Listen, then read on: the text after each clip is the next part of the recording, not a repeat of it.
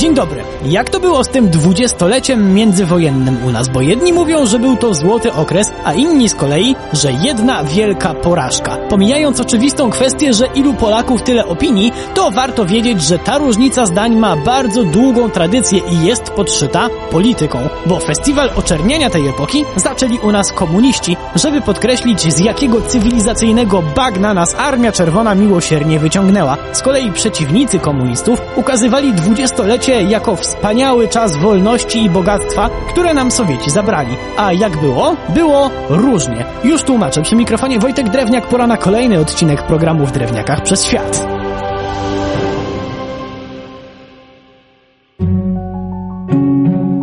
Oczywiście temat na kilka naszych spotkań, bo zarówno plusów, jak i minusów było sporo. Zastanawiam się, od czego by tutaj zacząć. Chyba jednak od minusów, bo zawsze to miło zostawić jakieś fajne akcenty na koniec. A zatem...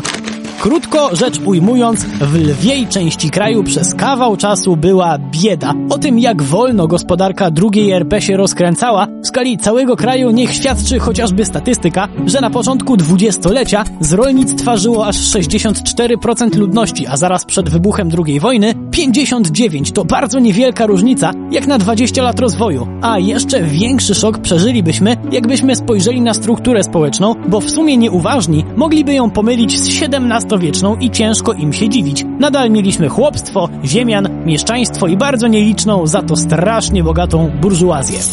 Sama struktura i nazewnictwo to jednak nie aż tak namacalny problem jak inna kwestia. W miastach nie było pracy, bezrobocie było bardzo duże, więc młodzi ludzie nie migrowali ze wsi do dużych ośrodków. Co z tego? Ano to, że żeby mieli gdzie i z czego żyć, to rodzice dzielili swoje gospodarstwa między kolejne i kolejne dzieci i dochodziło do tak zwanego rozdrobnienia. Każdy niby miał ziemię, ale tylko malutki skrawek, który później trzeba jeszcze było podzielić między swoje dzieciaki, których było w kraju coraz więcej i ktoś się zaraz czepi, że przecież to dobrze, jak w kraju jest dużo dzieci, ale tylko częściowo, bo jak przyjdzie kryzys, jak w 1929, to robi się bardzo nieprzyjemnie.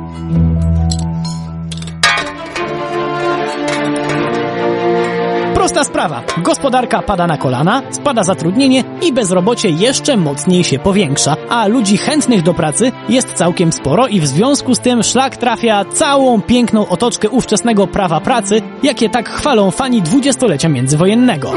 Bo cóż z tego, że na papierze był obowiązek zagwarantowania pracownikowi 46-godzinnego tygodnia pracy, urlopu, ubezpieczenia i prawa do zrzeszania się w związkach zawodowych, jeśli ludzie tak łaknęli pracy, że sami zgadzali się na pracowanie więcej i ciężej, bojąc się, że jak będą się upominać o swoje, to zaraz szef weźmie kogoś na ich miejsce. I faktycznie tak było. Nieliczni tylko przedsiębiorcy w takich warunkach zachowywali się w porządku. Większość wyzyskiwała zdesperowanych ludzi i zatrudniała robotników nie dość, że w niepełnym wymiarze godzin, to jeszcze w najlepszym przypadku za dwie trzecie tego, co powinni zarabiać. Człowiek miał więc prawo być bardzo smutny, jak wracał po pracy do domu. Nie tylko dlatego, że marnie zarabiał, ale też dlatego, że w większości przypadków jego dom był mały i obleśny. Dom to generalnie dość mylące określenie, bo w dużej części dom w mieście to była jedna izba. Tam wszyscy musieli się pomieścić i to nie był jedyny czynnik, który wprowadzał tęgi dyskomfort. Bo może i w tym czasie Warszawa mogła być dumna z tego, ile mieszkań było podpiętych pod sieć wodociągową i kanalizacyjną, energetyczną i gazową, ale w skali kraju wyglądało to strasznie. Takim komfortem w całej drugiej RP mogło się poszczycić 10% domów. No ale dobra, ktoś powie. Może do pojedynczych mediów dostęp był lepszy. Niby tak, ale nadal bez szału. W 1931 roku tylko 16% polskich domów było podłączonych do wodociągów, a 13% do kanalizacji. A jak z prądem? 38%. Też tak sobie. Aż chciałoby się zadzwonić po pomoc, ale z tym też był problem, bo nasz kraj był bardzo, bardzo w tyle, jeśli chodzi o dostępność telefonów. W 1937 było 7 aparatów na 1000 osób.